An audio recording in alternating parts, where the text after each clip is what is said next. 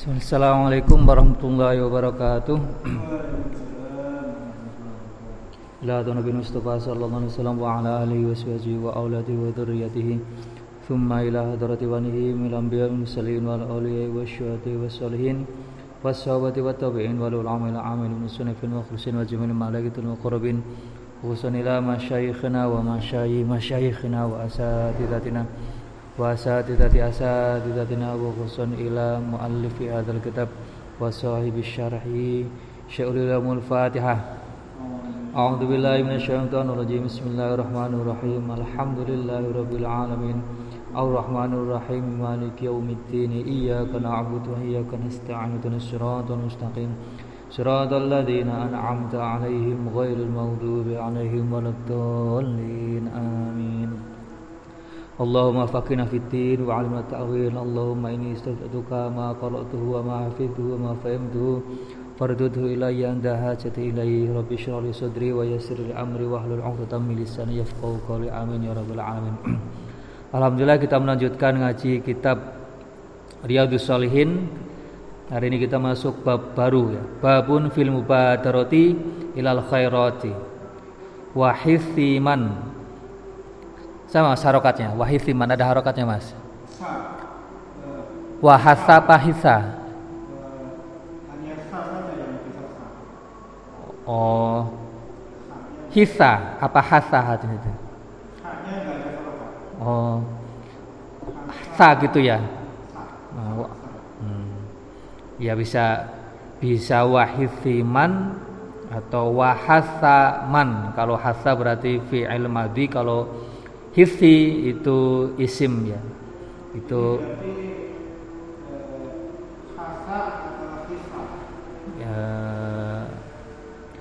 kalau misalkan dia jadi isim hisiman ya hisiman ya wahisiman jadi babun fil mubadarat ilal khairat wahisiman jadi mendorong seseorang ya. Kalau fatah berarti wahasaman ya bisa ya bisa dua-duanya. Yang penting alasannya gitu ya.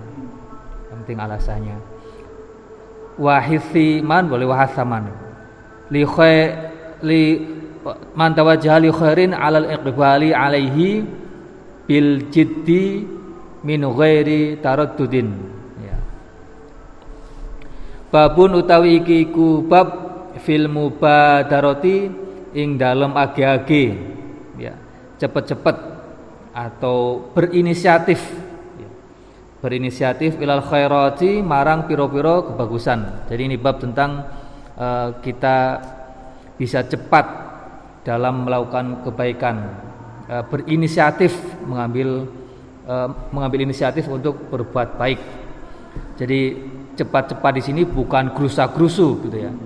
Kalau cepat-cepat itu maksudnya kalau ada kesempatan ya langsung dilakukan, langsung dikerjakan. Itu namanya mubadarah, cepat-cepat. Kalau gerusa-gerusu kan misalkan nunggu azan, nunggu komat baru wudhu, wudhunya cepet-cepet ya. Begitu masuk ke musola sudah ketinggalan tinggalan rakaat. Nah kita ketika baru wudhu pas komat itu namanya gerusa-gerusu, bukan mubadaroh itu. Kalau mubadaroh itu ya justru ketika sudah wak masuk waktu sholat misalkan, walaupun belum azan kita sudah wudhu. Nah, ketika sudah azan kita langsung segera ke ke masjid atau musola. Begitu adzan selesai kita sholat sunnah. Itu namanya ubadaroh. Jadi ketika ada peluang untuk uh, ada kesempatan untuk melakukan kebaikan, ya kita la la langsung lakukan seketika itu juga. Itu namanya ubadaroh. Cepat-cepat bukan gerusa-gerusu. Nah ini uh, bab film ubadaroh ilal khairat ya. Uh, berinisiatif uh, dalam berbuat baik ya. Wahisiman atau wahasaman mendorong orang uh, apa namanya me, apa ya mendorong gitu ya jauh tawajaha kang madep sopoman li khairin marang kebagusan alal iqbali marang madep ya. Tawajah itu menuju ya. Kalau iqbal e, menghadap mendekati. Alaihi ingatasi e, tawajah bil jiddi ingata kelawan e, nemen-nemeni min ghairi taruddudin kelawan tanpa ragu. Wa hifman tawajjaha li khairin alal ikbali alaihi bil jiddi min ghairi taruddudin dan mendorong ya, orang yang berbuat baik itu agar bersungguh-sungguh tanpa ragu ya. wa tawajjaha li khairin alal ikbali alaihi bil jiddi ya jadi mendorong orang agar bersungguh-sungguh dalam melakukan kebaikan dan tidak ragu-ragu. Qala isdawu sapa Allah Gusti Allah taala maha sapa Allah Fastabiqul khairati Fastabiqu podo ya sari'u ya. sama badiru artinya. Fastabiqu cepet-cepet sira kabeh al khairati ya. ing piro-piro kebagusan fastabiqul khairat. Nah ini ya fastabiqul khairat sering diartikan berlomba-lombalah dalam kebaikan gitu ya. Ya berlomba-lomba artinya uh, kita cepat-cepat cepat-cepatan. Namanya orang lomba kan pasti pengen yang le yang lebih dulu, yang lebih cepat ya. Jadi fastabiqul khairat cepat-cepat dalam melakukan kebaikan. Nah ayat ini fastabiqul khairat ini jadi apa jadi slogan ya jadi dari organisasi Pemuda Muhammadiyah. Jadi Pemuda Muhammadiyah ini punya slogan Fastabikul Khairat. Di logonya kalau nggak salah ada itu ininya. Ditulis di logonya kalau nggak salah ya. Pemuda Muhammadiyah. Fastabikul Khairat. Nah, ini biasa disingkat Fasko. Fasko, Fas Fastabikul Ko-nya Khairat. Sampai dulu di Ciputat, UIN Ciputat itu ada asrama namanya asrama Fasko ya, asramanya pemuda Muhammadiyah itu. Fastabiul khairat itu jadi dijadikan slogan. Fastabiul khairat ya cepat-cepat ber, berlomba-lomba dalam kebaikan atau cepat-cepat dalam melakukan kebaikan. Ya, mengambil inisiatif untuk berbuat baik. Wa qala lan wisdawu sapa Allah taala wasari'u wasari'u ila maghfiratin mir rabbikum wa jannatin arduas samawati wal ardu uiddat lil muttaqin wasari'u lan padha cepet-cepet sira kabeh ila maghfiratin marang ampunan mirrobikum saking pangeran surga kabeh wa jannatin an surga arduha kang utawi jembare surga luasnya surga iku as-samawati pira-pira langit wal ardu lan bumi Uiddat kang den sediaake apa jannatin surga lil muttaqina kadue pira-pira wong kang takwa. Wasari'u ila maghfiratin. Bergegaslah dalam meraih ampunan dari dari Tuhan dan bergegas dalam meraih surga yang luasnya itu seperti langit, langit-langit dan bumi dan itu dipersiapkan untuk orang-orang yang bertakwa. Jadi ini ayat yang mendorong atau dalil yang eh, apa mendorong kita untuk cepat-cepat berinisiatif dalam berbuat baik. Itu ayatnya. Wa amal ahadisulan anapun utawi piro-piro hadis ini dalil hadisnya. Fal awalu iku mongko utawi kang pertama an Abi Hurairah ta saking Abu Hurairah radhiyallahu muga-muga pareng ridho Sebab Allah Gusti Allah anhu saking Abu Hurairah anna Rasulullah saat temani Gusti Rasul sallallahu alaihi wasallam iku kala wis dawuh sapa Gusti Rasul badiru age-ageo. Sira kabeh cepet-cepet to sira kabeh. Bil a'mali kelawan pira-pira amal. Fitanan ing pira-pira fitnah. Fitan itu jamak dari fitnatun. Fitnatun fitanun. Badiru bil a'mali fitanan. Ya. jadi eh, segeralah melakukan kebaikan sebelum ada fitnah, sebelum ada ujian, sebelum ada kesulitan-kesulitan. Pumpung masih punya peluang, ya, maka kebaikan itu segera diambil, segera dikerjakan. Nanti kalau sudah nggak ada peluang, baik mungkin waktunya sudah habis atau atau karena memang kita lagi kondisi yang nggak memungkinkan untuk melakukan kebaikan itu, ya, maka nanti kesempatannya akan hilang. Badiru bil a'mali fitanan.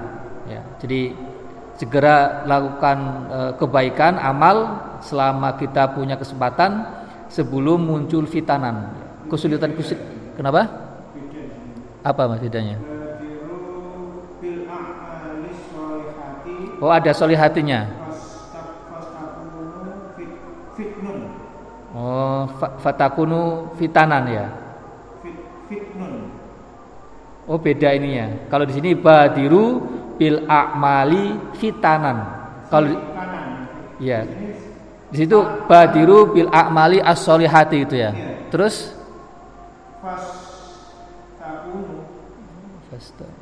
Fa, fatakunu.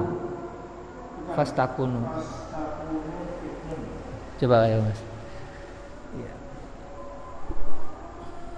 Bad, oh Oh fasatakunu fitanun Fasatakunu fitanun Kalau sih berarti badiru Agi-agi siro Bil amali kelawan pira amal As-sholati kang soleh Fasatak, Fasatakunu moko bakal ono berarti Fasatakunu Fasatakunu moko bakal ono Opo fitanun uh, Piro-piro fitnah Iku kakito illaili Koyo Apa piro-piro potongane wengi.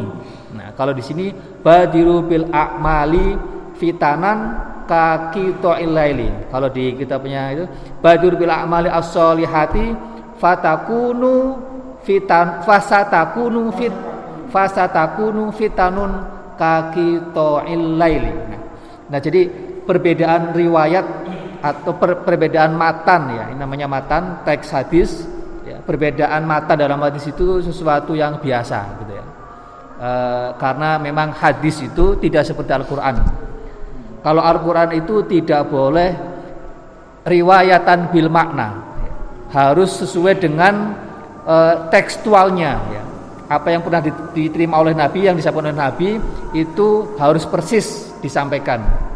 Maka Al-Qur'an yang kita sekarang ini sama persis dengan teksnya itu ya, teksnya sama persis Eh, seperti pada zaman Nabi. Nah, kalau hadis itu boleh riwayatan bil makna.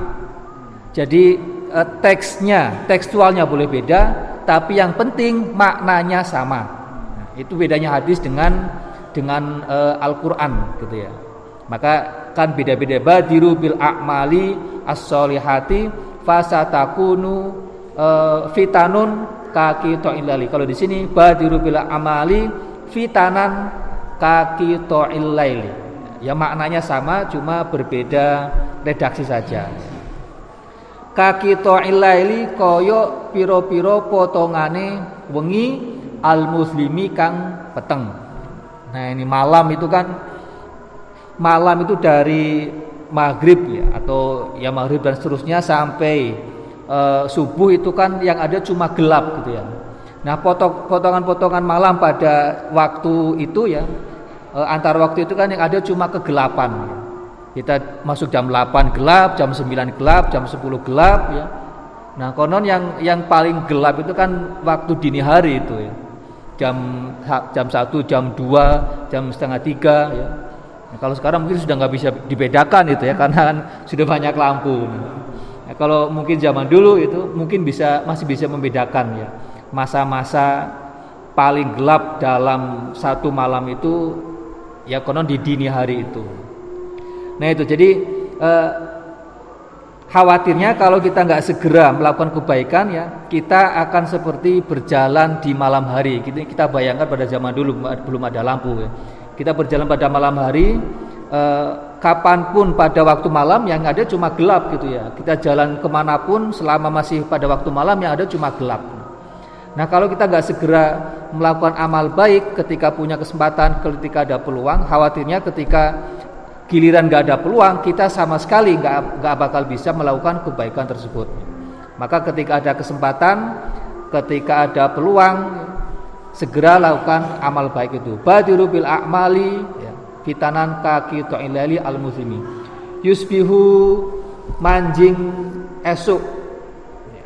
Sopo arrojulu wong lanang iku mukminan wong mukmin yusbihu itu kalau diterjemahkan bisa menjadi jadi yusbihu rojulu mukminan jadi pada pagi hari seorang, seseorang itu menjadi orang beriman Wayum silan manjing sore sapa rajul iku kafiron wong kang kafir. Nah itu. Jadi pada pagi hari dia masih jadi orang mukmin, ketika masuk sore hari dia sudah menjadi orang yang kufur. Baik kufur secara hakikat ya, ya keluar dari Islam ya, maupun kufur secara maknawi yaitu kufur nikmat misalkan ya. Maka ketika kita masih punya peluang, masih kesempatan menjadi orang yang beriman, ya, masih uh, punya peluang untuk bersyukur, mensyukuri nikmat yang kita terima pada pagi hari, ya lakukan ungkapan syukur itu. Gitu. Ya. Siapa tahu ketika sore hari kita tidak punya kesempatan. Siapa tahu ketika kesempatan berikutnya, jangankan nunggu sore hari ya, nunggu sejam, dua jam ke depan kita nggak bisa memastikan kondisi ke depan itu. Maka ketika masih ada peluang itu segera lakukan kebaikan itu ya. Siapa tahu dalam waktu ke depan kita tidak punya kesempatan itu. Yusbihur rajulu mu'minan wa yumsi kafiron. Nah itu. Wa yumsi lan manjing sore sapa rajul iku wong mukmin ketika sore jadi orang mukmin wa yusbihu lan manjing esuk sapa rajul iku kafiron wong kang kufur. Sorenya malamnya masih mukmin paginya sudah kufur. Ya. sorenya malamnya masih punya kesempatan untuk bersyukur ya, untuk mengungkapkan rasa syukur tapi kok tidak dimanfaatkan ya, maka siapa tahu ya paginya itu dia sudah nggak punya kesempatan maka yang ada adalah penyesalan gitu ya. Penyesalan kenapa kok semalam nggak segera melakukan uh, kebaikan itu. Tidak mengambil kesempatan untuk eh, apa mengambil peluang yang ada. Ketika kesempatan itu ada. Begitu sudah nggak ada yang ada cuma penyesalan gitu. Ya biu ngedol sapa dinahu ing agamane eh, rajul bi'aradin kelawan bondo minat dunia saking dunia menjual agamanya ya, dengan harta benda menjual agamanya dengan kepentingan duniawi. Ya. Ya. Ini bahasa kiasan ya, ya maknanya bisa bisa misalkan eh, apa namanya beramal atau melakukan sesuatu yang haram gitu ya. ya demi kepentingan duniawi ya, demi kepentingan yang sesaat ya, melakukan hal-hal yang haram. Kalau sini contohnya misalkan eh, apa itu? jual beli atau riba gitu ya, melakukan transaksi yang bersifat ribawi ya. Mungkin di situ ada keuntungannya ya. Maka karena dia tergiur kepentingan itu, walaupun di situ ada unsur riba tetap dilakukan. Itu namanya orang yang menjual e, agamanya ya demi kepentingan sesaat ya. Ya kayak misalnya korupsi itu bisa dianggap sebagai orang yang menjual e, apalagi misalnya orang Islam gitu ya orang yang menjual uh, agamanya demi kepentingan duniawi, demi dapat uang, ya, demi bisa menikmati uang, ya, dia uh, apa namanya menghalalkan segala cara untuk mendapatkan uang tersebut, ya. korupsi uang tersebut, ya. hanya karena pengen dapat uang tersebut, ya mungkin karena tergiur nilainya yang besar. Nah itu apa contoh-contoh ya orang yang menjual agamanya demi kepentingan duniawi. Rawawis ngriwatake hu ing hadis sapa muslimun imam muslim. Ini contohnya badiru bil amal. Cepat-cepat e, melakukan kebaikan ya, amal soleh ya. E, siapa tahu kesempatan yang ada itu e, nanti bisa hilang. Ya. Karena e, waktu ya, atau beberapa waktu ke depan itu kan e, sesuatu yang rahasia gitu ya. Walaupun mungkin dalam nalar kita ya itu sudah sesuatu sudah rutinitas ya, sudah bisa kita jadwalkan ya. Tapi kepastiannya itu kan Allah yang menentukan gitu ya. Maka ketika peluang pada saat itu ada ya segera diambil. Asani utawi kang kaping pindo hadis yang kedua an abi sarwata bikasri bikasri sini al muhmalati wa fathiha. Boleh sirwaata boleh sarwaata. Bikasrisin kasrosin sir wa fathiha. Sar. Sarwaata anabi sarwaata atau sirwaata sama aja boleh. Rupanya Uqba tabnil Harith Uqbah bin Harith radhiyallahu anhu paring ridho. Sapa Allah Gusti Allah anhu saking Abu Sarwaah Abu Sirwaah Sholat itu, nah Abu Sarwaah cerita, sholat itu sholat sapa ingsun waro an nabiyyi ing burune kanjeng Nabi. Jadi makmumnya kanjeng Nabi. Ya, Nabi ngimami. Bil Madinati ing dalam Madinah al asro ing sholat asar. Nah, Abu Sarwaah eh, makmum sholat asar kepada Nabi. Fasallama begitu selesai fasallama mongko salam sapa Kanjeng Nabi summa koma nuli ngadeg jumeneng sapa Nabi. Musri'an hale wong kang cepet-cepet. Ya. Fatahatto mongko atau nuli nglangkahi sapa Kanjeng Nabi riqaban nasi ing pira-pira pundake atau lehere gulune pira-pira menungso jamaah salat ini ila ba'di hujari nisaihi marang sebagian piro-piro kamare piro-piro bojone Nabi ini kalau mana nih memang kayak gitu nih harus per uh, perkata ini. Ila ba'di hujari nisaihi marang setengah piro-piro kamare piro-piro bojone Nabi. Ila ba'di hujari nisaihi masuk ke sebagian ya apa ruang atau kamar istri Nabi. Jadi ini suatu ketika Nabi sholat asar jadi imam gitu ya. Nah begitu salam Nabi nggak wiridan, langsung cabut itu, langsung langsung itu, langsung ke kamar istrinya, langsung ke salah satu rumah istrinya. Gitu. Fafazia, fafazia mongko podo kaget atau apa khawatir Sopo anasu menungso jamaah ini min surati saking cepete kanjeng Nabi. Nah karena ini eh, apa bukan kebiasaan Nabi karena habis sholat biasa wiridan gitu ya, nggak langsung pergi. Nah itu bikin bikin kaget ya, bikin khawatir lah. Ini kira-kira Nabi kenapa kok buru-buru amat gitu. Fakhoroja mongko metu. Nah ketika sudah seperti itu ya, Nabi masuk ke kamar ya uh, jamaah sholat ini nunggu nunggu Nabi itu uh, karena khawatir kira-kira ada apa jangan-jangan ada masalah di rumahnya ya yang membuat Nabi itu buru-buru. Akhirnya jamaah para jamaah sholat ini nunggu ya. Kemudian fakhoroja mongko metu sapa kanjeng Nabi alaihim nemoni alaihim ing atase Anas. Faro'a mongko weruh Sopo kanjeng Nabi annahum ing saat temene Anas menungso jamaah salat tadi itu qad ajabu teman-teman podo gawok heran Sopo Anas min suratihi saking cepete kanjeng Nabi. Nah ini. Jadi setelah Nabi masuk ke rumah ya buru-buru dan itu bikin uh, jamaah khawatir ya karena itu bukan kebiasaan Nabi, ya, akhirnya mereka nunggu. Ya. Karena Nabi tahu mereka nunggu ya, Eh, dan tahu karena mereka nunggu itu karena Nabi bertindak tidak seperti biasanya, akhirnya Nabi menemui mereka ya dan menjelaskan. Kola dawuh sebuah kanjeng Nabi. Nah ini alasannya kenapa Nabi itu tadi habis sholat uh, asar jamaah jadi imam langsung cabut keluar.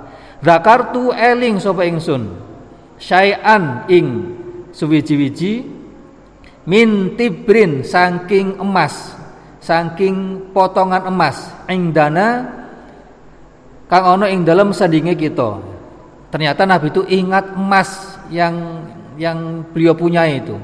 Fakari itu nak emas apa itu? Fakari itu mongko keting sapa ingsun.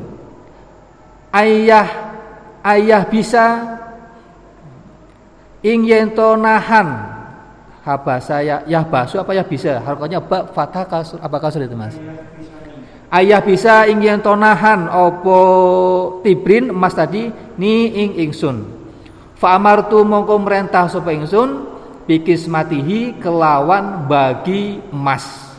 Nah itu di alasannya. Kenapa nabi habis e, ngimami sholat itu enggak enggak wiridan habis salam langsung cabut. Ternyata alasannya nabi habis sholat itu keingetan punya emas yang semestinya itu dibagikan kepada orang lain. Ya. dibagikan kepada orang yang berhak. Itu emas sedekah ternyata ya Nabi punya emas yang mestinya disedekahkan kepada orang yang berhak tapi Nabi ingat emasnya itu belum disedekahkan belum diberikan Nah karena ingat itu Nabi langsung cabut itu ya kemudian langsung bagi-bagi emasnya tersebut. Nah, nah ini artinya apa ini? Jadi wiridan setelah sholat itu hukumnya sunnah kan? Ya ini dalilnya ini. Jadi Nabi meninggalkan uh, wiridan ini menjadi bukti bahwa wiridan setelah sholat itu hukumnya sunnah. Ya, buktinya Nabi ya uh, ninggalin ini ya nggak nggak wiridan. Nah meninggalkan sesuatu yang sunnah untuk melakukan kesunahan lain yang lebih urgen ya, itu lebih baik gitu. itu harus diutamakan gitu kalau ada tindakan sunnah yang lebih penting ya, sementara pada saat itu kita lagi melakukan kesunahan yang lain maka kesunahan ini mau tidak mau harus ditinggalkan ya demi kepentingan menjalankan sunnah yang lebih penting ini apalagi yang wajib nah itu sudah sudah lebih harus itu ya jika ada wajib dan sunnah bertentangan ya yang sunnah itu harus ditinggalkan wajib dulu yang harus di didahulukan. Nah, termasuk ini nih ketika Nabi sedekah tapi ingat sedekahnya belum dibagikan, Nabi langsung uh, uh, langsung bertindak ya untuk membagikan sedekah tersebut. Nah ini mungkin kita bisa ngangen-ngangen nih. Kira-kira Nabi ingat emasnya itu ketika sholat apa setelah sholat ini? kalau biasanya kita kan lagi sholat ya, uh, kemudian mus, ternyata hujan itu kan sudah nggak tahan ya pengen cepet-cepet sholat ya. Nanti kalau sudah pengen cepet selesai sholat begitu salam langsung kabur ngurusi jemuran. Nah kira-kira Nabi ini kasusnya ingat emasnya itu ketika sholat atau setelah sholat? Nah kalau dalam pikiran saya ingatnya itu setelah sholat ini bukan pas sholat. Sebab Nabi kan pernah jauh kan tentang ihsan itu hadis ihsan. Ma, mal ihsanu al ihsan huwa anta budallaha ka annaka tarahu fa illam takun tarahu fa innahu yaraka jadi ihsan adalah ketika engkau beribadah kepada Allah ya dan seolah-olah engkau itu melihat Allah ketika beribadah itu ya. Jadi ketika ibadah itu madep seolah-olah melihat Allah ya. sehingga ketika melihat Allah walaupun seolah-olah itu ibadah kita jadi jadi khusyuk, jadi mantap dan sebagainya. Kalaupun kita memang tidak bisa seperti itu, tidak bisa membayangkan sedang berhadapan langsung dengan Allah, maka harus yakin bahwa Allah yang melihat kita ya. Fa ilam takut tarahu fa innahu yaraka. Ya. Jadi ibadahnya Nabi itu sudah di level itu ya. Ketika sholat sudah mantap dan madep bahwa eh, seolah-olah melihat Allah ya. Enggak tahu kalau Nabi mungkin bukan cuma seolah-olah gitu ya. Ruhnya langsung tersambung kepada Allah. Jadi ketika Nabi sudah menyatakan seperti itu ya, kira-kira apakah mungkin ke, Nabi yang sudah mengatakan seperti itu kok sholatnya kepikiran hal yang macam-macam gitu ya. Sholatnya nggak khusyuk. Nah, kira-kira itu sesuatu yang sesuatu yang nggak mungkin gitu ya. Akan bertentangan dengan dahunya sendiri. Nabi mengatakan kalau sholat e, bayangkan sedang menghadap Allah, masa Nabi ketika sholat ingat emas gitu, emas yang yang di yang belum dibagikan itu. Maka e, dalam bayangan saya, ya, Nabi ingat emasnya itu begitu salam, begitu salam yang kedua langsung ingat, langsung diingatkan oleh Allah bahwa Nabi punya kewajiban yang belum ditunaikan. Ya, makomnya ke seperti itu gitu ya. Ketika e, jadi eh, hadis ini juga menunjukkan bahwa tidak ada kebaikan-kebaikan yang terlewatkan oleh Nabi. Gitu ya. Begitu eh, ada kewajiban atau mungkin jangankan kewajiban, sesuatu yang mungkin sunnah saja ya, itu akan langsung dikerjakan oleh Nabi. Gitu ya. Nah kira-kira seperti itu ya. Takartu syai'an min tibrin ingdana fakaritu ayah bisani fa amartu bikismati. Nah, kenapa Nabi kok e, peng apa cepat-cepat ya segera membagikan sedekah emasnya itu khawatir nanti kalau ditunda-tunda ya nanti akan e, ya itu tadi kan gara-gara Nabi belum membagi emasnya akhirnya kan Nabi nggak wiridan itu wiridan yang biasa disunahkan ya disunahkan ya yang biasa dikerjakan setelah sholat akhirnya kan e, e, tidak tidak beliau kerjakan ya. Artinya Nabi meninggalkan atau melewatkan sunnah gitu. Gara-gara ada hak ada kewajiban yang belum ditunaikan. Fakari itu ayah bisa nih. Aku khawatir ya uh, emas yang emas yang ini akan mencegahku, menahanku ya untuk berbuat baik ya, untuk melakukan amalan baik gitu. Fakari itu ayah bisani.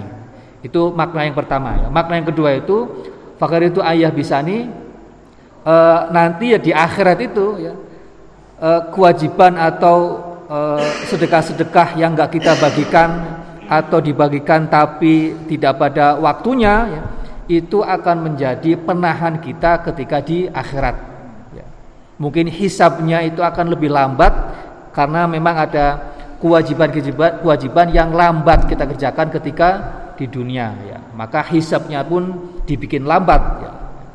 Nah, itu itu makna yang kedua dari fakari itu ayah bisani. Jadi e, karena kita tidak menunaikan kewajiban atau menunaikan ya, hak orang lain secara uh, te tepat cepat pada waktunya itu akan menghalangi kita akan dihisap secara cepat di akhirat. Nah, itu makna yang kedua. Gitu. Ya. Makna yang pertama tadi, kalau kita tidak melakukan uh, apa tugas secepatnya, khawatir itu akan men menjadi pengganggu gitu ya, akan membuat kita kepikiran, ya. sehingga kita akan melewatkan, melewatkan kebaikan yang mestinya dikerjakan pada saat itu ya. Ya contohnya itu Nabi eh, akhirnya jadi nggak wiridan setelah sholat itu. Fa amartu mongko merentah sapa ingsun bi kelawan bagi tibrun tibrin tadi emasnya itu. Jadi itu. Jadi kenapa Nabi e, tidak wiridan pada saat itu ya karena beliau ingat emas yang belum dibagikan ya. Beliau segera pergi ya menemui istri-istrinya itu agar emas sedekahnya itu segera dibagikan ya. Wa fi riwayatin ing di riwayat lahu kadue berarti kadue abi Abu Sarwaah atau Sirwaah. Kuntu ono sapa ingsun khallaftu. Apa? Khallaftu berarti ninggal sapa ingsun me, meninggalkan nyimpen lah kira-kira seperti itu. Kuntu ono sapa ingsun Kanjeng Nabi iku khallaftu nyimpen ninggal sapa ingsun fil baiti ing dalam omah tibron ing emas saya nyimpen emas di rumah kata Nabi minas sedekati emas sedekah saking sedekah fakarihtu mongko geting sapa ingsun an ubayita ing yento nginepake sapa ingsun hu ing tibron saya nggak suka kalau sedekah itu harus berlama-lama di rumah nggak segera dibagikan Atibru ini mananya penjelasan mananya kita zahabin kepingan-kepingan emas au fidotin utawa emas. Ini bisa juga artinya emas yang masih mentah gitu ya. Emas yang ah, bukan mentah, masih bongkahan gitu ya. Belum dibikin e, bentuk apa ya, belum dibikin perhiasan ya, belum dicetak ya. Nah itu. Satu lagi atau dua lagi nih tanggung. Asalisu utawi kang kaping telu hadis yang ketiga ini dari uh, apa namanya anjuran untuk uh, berinisiatif berbuat baik an Jabirin saking sahabat Jabir radhiyallahu muga-muga paringridho sapa Allah Gusti Allah anhu saking Jabir ini Jabir ini juga seperti Abu Hurairah ya salah satu sahabat yang uh, hadisnya itu lebih dari seribu ya, riwayat yang hadis yang diriwatkan dari Nabi lebih dari seribu jadi dalam ilmu hadis itu ada namanya al-muk al-muksiruna. Ya. Orang-orang yang banyak meriwayatkan hadis. Jadi hadisnya itu seribu. Jadi ada tujuh sahabat yang meriwayatkan lebih dari seribu hadis dari Nabi. Cuma ada tujuh orang. Nah salah satunya Jabir. Yang paling banyak itu Abu Hurairah ya. Makanya kan banyak disebut Abu Hurairah karena memang paling banyak hadisnya. Nah Jabir ini salah satu eh, sahabat yang meriwayatkan lebih dari seribu hadis. Qala wis ngucap sapa Jabir, qala wis dawuh. Wis ngucap sapa rajulun wong lanang li Nabi marang Kanjeng Nabi. Yauma Uhudin ing e, dina Uhud pada perang Uhud. Aroaita Aroaita ai akhbirni e, aweh habar panjenengan Nabi beri beritahu saya Nabi in kutil tu lamun mati sapa ingsun lamun den pateni sapa ingsun nah ini pada perang uh, Uhud jadi ada uh, salah satu prajurit yang nanya, Nabi, kalau saya mati dalam perang Uhud ini, maka fa'aina mongko iku ing dalam endi ana utawi ingsun. Nabi kalau saya nanti mati, kira-kira saya bakal ke mana? Nah kalau kita kalau kita jelaskan sekarang, ya pasti akan mudah jawabannya ke surga. Nah pada zaman Nabi ini kan mungkin orang bayangan tentang surga, tentang neraka itu kan masih pemahaman yang awal kan. Bahkan mungkin pada awalnya mereka nggak punya bayangan tentang surga dan neraka gitu. Termasuk orang-orang yang baru masuk Islam, mungkin bayangan tentang surga, tentang neraka itu masih masih samar atau belum terlalu belum terlalu familiar. Jadi ketika mereka mati ya mereka masih nanya kira-kira saya bakal ke mana gitu. Ruh saya, nyawa saya atau setelah saya mati ini bakal ke mana gitu ya. Mungkin pada masa jahiliyah mereka nggak punya pemahaman imajinasi tentang surga dan neraka ya. Maka ketika orang ini sudah Islam ya kan sudah berada di keyakinan keyakinan yang berbeda ya. Maka orang ini bertanya, Nabi kalau saya mati terutama dalam perang Uhud ini saya bakal ke mana? Kola jawab sebuah Nabi fil jannati ing dalam surga ya, ing dalam surga di dalam surga ya. Nah, kalau kamu nanti mati atau terbunuh dalam perang Uhud ini, kamu bakal masuk ke surga. Jaminannya surga. Nah, orang ini nanya-nanya ke Nabi sambil makan kurma orang ini. Ya. Mungkin dalam persiapan perang Uhud ya, eh, orang ini mungkin sambil ngemil gitu ya. Fa'alko ya, mongko nguncalake sapa rajul tamarotin ing pira-pira kurma kunna kang ono opo kurma fiyadihi ing dalam tangane si rojul. Nah, orang ini tadi e, nanya sambil ngemil kurma. Ketika dijawab bahwa nanti kalau kamu mati bakal masuk surga, kurmanya langsung dibuang gitu. Fa'al kota maratin kunna fiyadihi. Begitu dijawab kamu bakal masuk surga, langsung semangat, langsung girang gitu ya. Sampai sampai sudah nggak peduli lagi kurma yang dimakan itu, ya, langsung dilempar. Summa kotala nuli perang sopo rojul hatta kutila sehingga mati terbunuh sopo rojul. Nah ini akhirnya orang, orang ini rojul ini ya e, benar-benar terbunuh ya mati syahid dalam perang Uhud. Nah ini, nah ini jadi ini menunjukkan betapa si rojul ini uh, punya semangat gitu ya untuk berinisiatif dalam kebaikan ya ketika dijanjikan sesuatu yang istimewa dari kebaikan yang akan dia lakukan, maka dia langsung berinisiatif mengambil kebaikan tersebut, yaitu apa namanya termotivasi untuk uh, semangat berperang gitu ya. Tsumma qatala hatta qutila ya. Muttafaqun alaih wallahu Wassalamualaikum warahmatullahi wabarakatuh.